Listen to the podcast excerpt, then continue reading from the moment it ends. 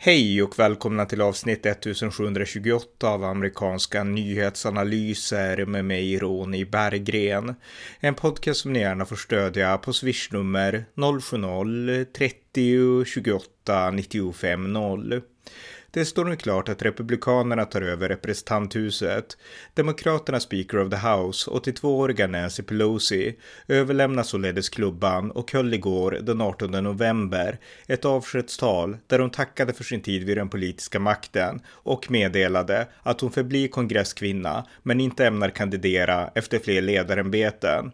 Således kommer hon inte att överta rollen som minoritetsledare för Demokraterna utan överlämna till en ny generation. Här här berättar jag om talet och om Nancy Pelosis långa och spännande karriär. Varmt välkomna! Ja, i mellanårsvalen den 8 november så blev det ju oerhört jämnt och det dröjde nästan en vecka av räkningar av distrikt och av valresultat innan vi fick vetskap om vilket av de två partierna som skulle komma att styra representanthuset. Och eh, för några dagar sedan stod det klart att Republikanerna, eh, trots allt, trots många om och men, ändå kommer att ta över makten i representanthuset.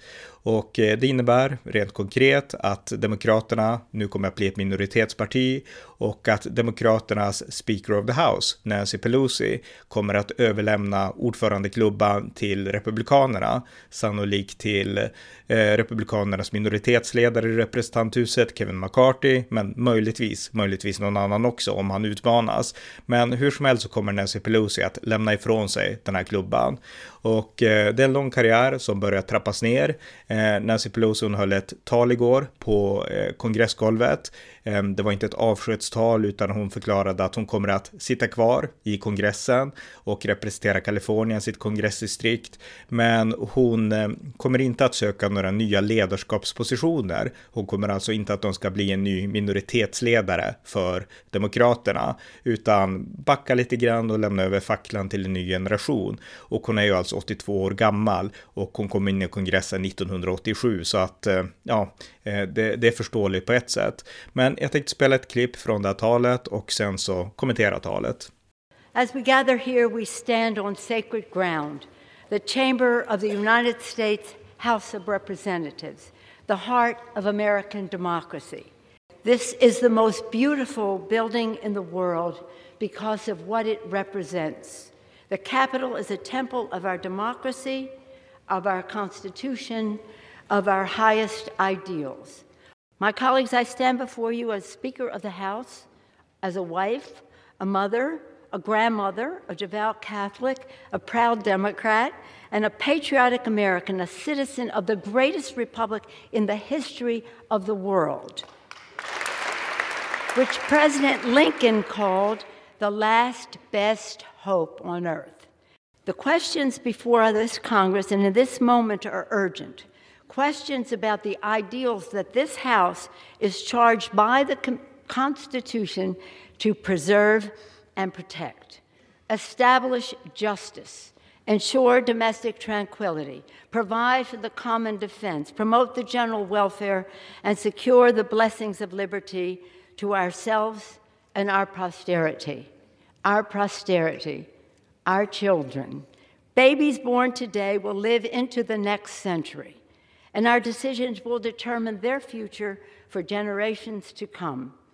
While we will have our disagreements on policy, we must remain fully committed to our shared fundamental mission to hold strong to our most treasured democratic ideals, to cherish the spark of divinity in each and every one of us and to always put our country first. In their infinite wisdom, our founders gave us their, their guidance, e pluribus unum, from many one. They could not have imagined how large our country would become or how different we would be from one another. But they knew we had to be united as one. We, the people, one country, one destiny. It has been with great pride in my 35 years in the House I have seen this body grow more reflective of our great nation, our beautiful nation. When I came to the Congress in 1987, there were 12 Democratic women. Now there are over 90, and we want more. the new members of our Democratic caucus will be about 75% women, people of color, and LGBTQ. When I first came to the floor at six years old, never would I have thought that someday I would go from homemaker to House Speaker. In fact, I never. in fact, I never intended to run for public office. Mommy and Daddy taught us through their example that public service is a noble calling and that we all have a responsibility to help others. In our family, my brother Tommy then became mayor of Baltimore also. But in my, been my privilege to play a part in forging extraordinary progress for the American people. I have enjoyed working with three presidents achieving historic investments in clean energy with President George Bush. Transformative health care reform with President Barack Obama. And forging and forging the future from infrastructure to health care to climate action with President Joe Biden.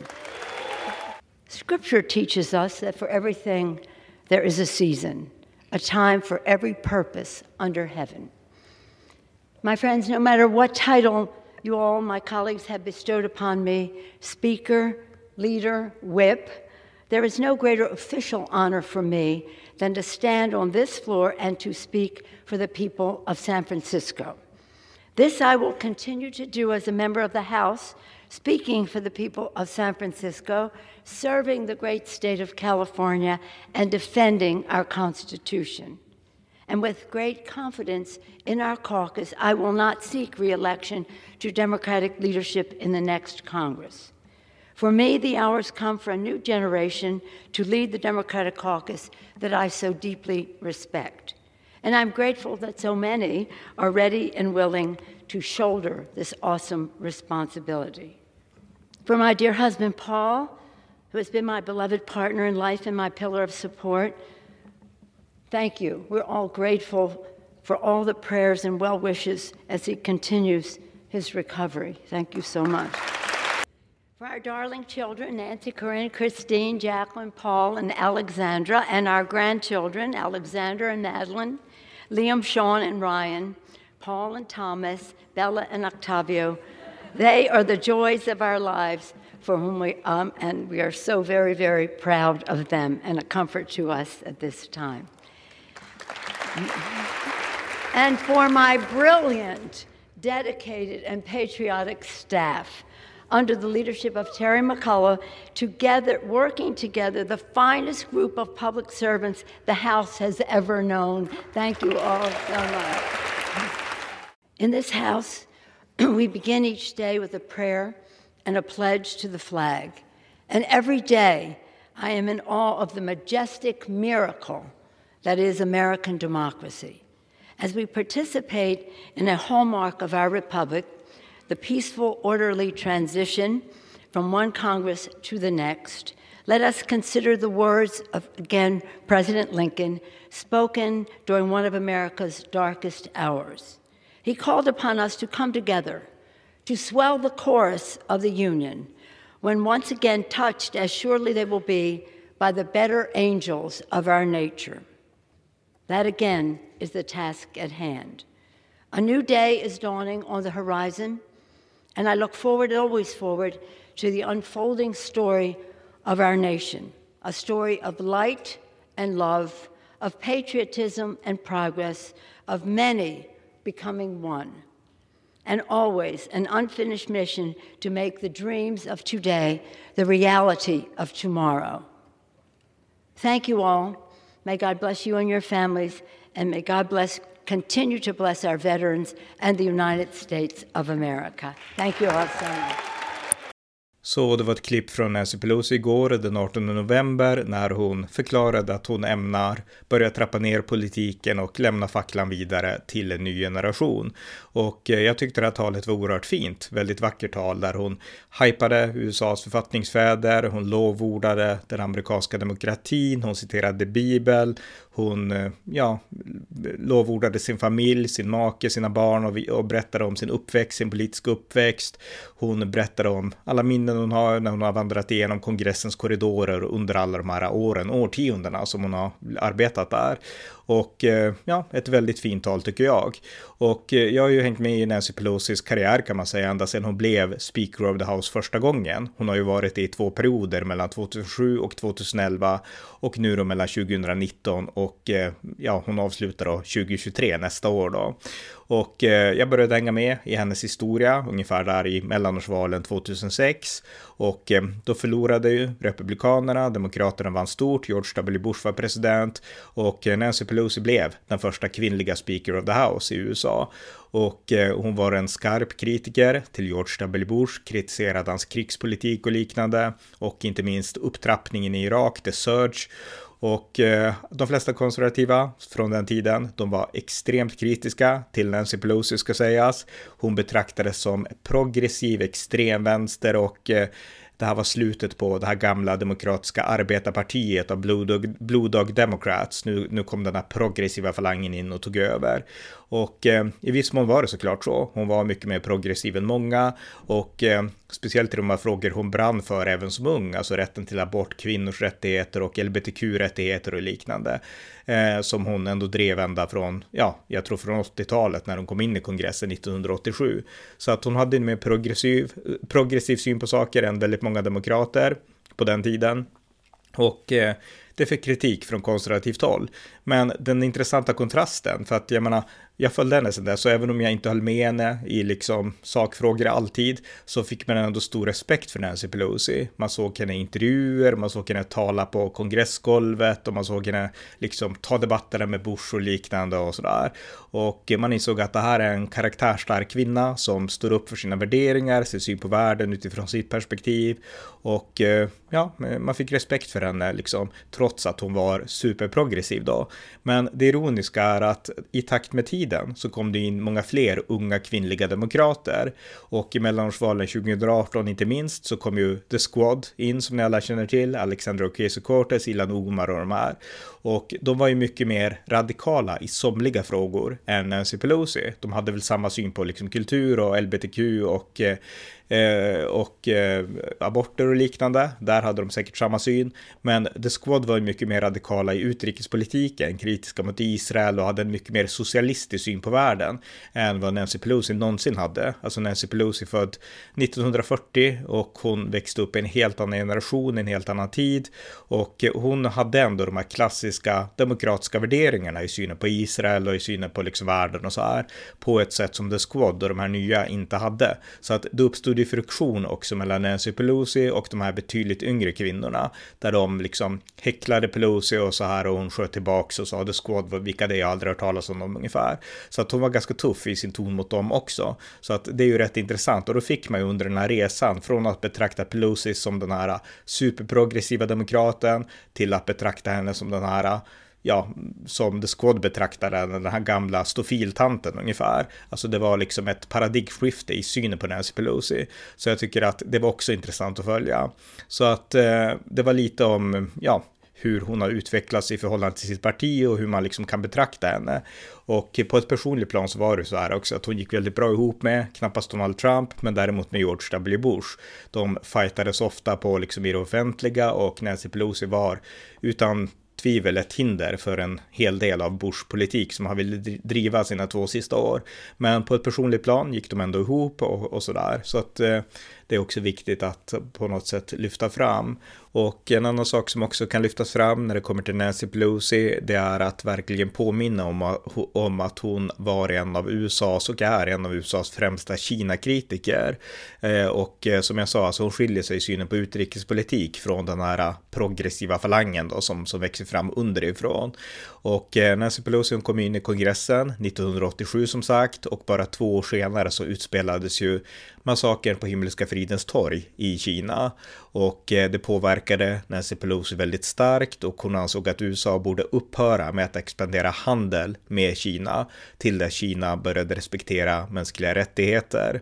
Och eh, under sina årtionden i kongressen så har Nancy Pelosi regelbundet besökt Kina för att lyfta upp vikten av mänskliga rättigheter 2009 så besökte hon Kina och hon, ja hon har besökt Kina många gånger, men 2009 så besökte hon Kina och träffade en katolsk präst som hade suttit inlåst för sin tro i Kina i 27 år och hon betonade att eh, Kina måste börja stå upp för rätten till religion och sådana saker. Hon har stått upp för de grannländerna till Kina, deras rätt att vara oberoende. Hon åkte till Taiwan nu i augusti i år och hon gjorde det eh, liksom mot Kinas allvarliga protester. Hon åkte dit i alla fall och sa att Taiwan har rätt att vara oberoende, fria från kinesiskt förtryck ungefär. Så att hon har varit tuff i att eh, konfrontera Kina och att stå upp för grannländernas rätt till frihet från kinesisk imperialism. Så att på så vis har hon varit en väldigt stark röst i den frågan och det skiljer henne i många avseenden från andra demokrater. För de tuffa, det tuffa partiet i utrikespolitiken, det har alltid varit republikanerna. Och eh, 2009 så hade ju Barack Obama nyss blivit president och hans mål var ju på något sätt att eh, ja, hela såren med omvärlden och skaka hand med alla möjliga. Det fanns ju en nidbild då, eh, framhållen av Barack Obama och av andra demokrater, om att alla problem som, som fanns i relationerna med det internationella samfundet, det berodde på republikanerna och på George W. Bush. Så att Obama ville inta en helt motsatt position, han ville skaka hand med Hugo Chavez, han ville liksom, ja, medla fred med alla möjliga diktaturer ungefär. Och eh, även i förhållande till Kina, han ville göra sin pivot to Asia, Barack Obama då.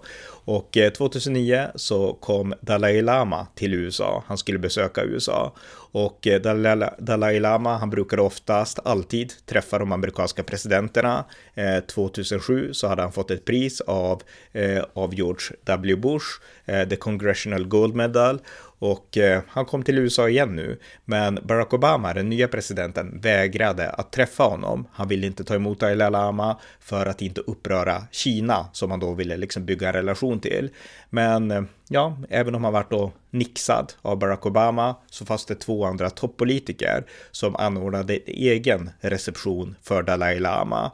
Och det var John McCain, den republikanske senatorn från Arizona och det var Nancy Pelosi. De två tillsammans anordnade en egen stor reception för Dalai Lama och gav honom eh, ett pris, eh, Lantos Human Rights Prize, eh, tilldelade de Dalai Lama.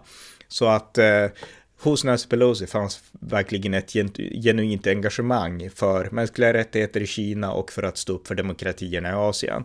Så att det är också någonting jag tycker man måste komma ihåg med henne. Sen i förhållande till republikanerna så var hon såklart väldigt polariserande. Det här talet som jag spelade klipp från, det var ett fint tal, men det är inget snack om att eh, det är inte alltid som Nancy Pelosi har arbetat för enhet. Eh, 2020 efter att Donald Trump höll sitt State of the Union på kongressgolvet, då blev ju Nancy Pelosi, ja, hon filmades när hon tog Trumps tal och inför kamerorna rev talet mitt isär, alltså mitt framför filmkamerorna. Direkt efter Trumps tal så tog hon pappret och rev sönder det, liksom bara för att demonstrera att hon ja, hur mycket hon ogillade Trump ungefär. Och det är inte ett sätt att enas eller sådär. Så att jag menar, hon har utan tvekan en polariserande liksom udd också, Nancy Pelosi. Det går inte att komma ifrån. Men så är det ofta med amerikanska personligheter. De kan polarisera, men samtidigt också behålla stora perspektiv i många frågor. Det gäller Donald Trump och det gäller också Nancy Pelosi. Så att eh, det var lite om henne. Ett, eh, en stark kvinna som främst kanske historiskt kommer att bli ihågkommen för att hon blev en unik kvinnlig trendsättare i USA. Alltså hon är ju USAs, hon har stått som tredje i successionsordningen och hon har fram till Kamala Harris då som nu är vicepresident eh, varit USAs eh, eh, Eh, ja, mäktigaste politiska kvinna, Nancy Pelosi då. Och eh, jag menar rent, um, liksom Kamala Harris, hon har ju makten på pappret ungefär, men hon kommer inte bli president för hon är för inkompetent och hon är inte seriös liksom på ett sätt, utan Nancy Pelosi, där har vi ju en karriärpolitiker som verkligen har engagerat sig i politik, brunnit för politik och verkligen arbetat för politik på ett helt annat sätt än vad Kamala Harris har gjort. Så att eh, Nancy Pelosi är ju en proffspolitiker från sin kant liksom. Så att eh, även om Kamala Harris i teorin har liksom den mäktigaste kvinnan på pappret kan hon säga. Alltså, alltså i praktiken så är det inget snack om att Nancy Pelosi har större respekt än Kamala Harris kan man då säga.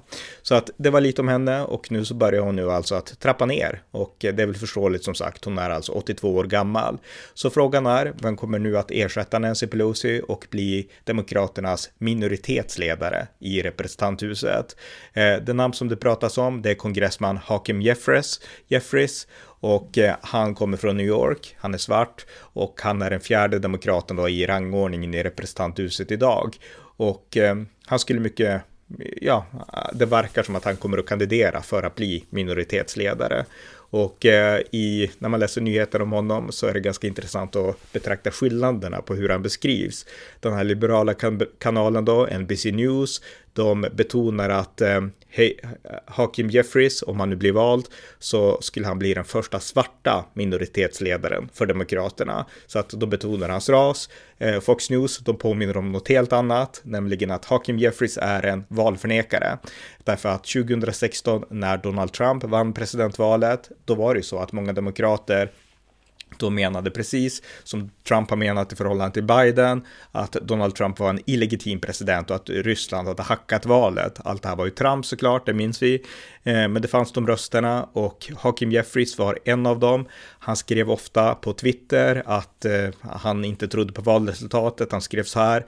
The more we learn about the 2016, eh, the more illegitimate, alltså illegala, desto mer illegalt framstår det. Jag tar det på svenska istället. Så att eh, han, eh, han, skrev många sådana saker. Och eh, USA förtjänar att få veta att vi har en fake president in the Oval Office, skrev han också.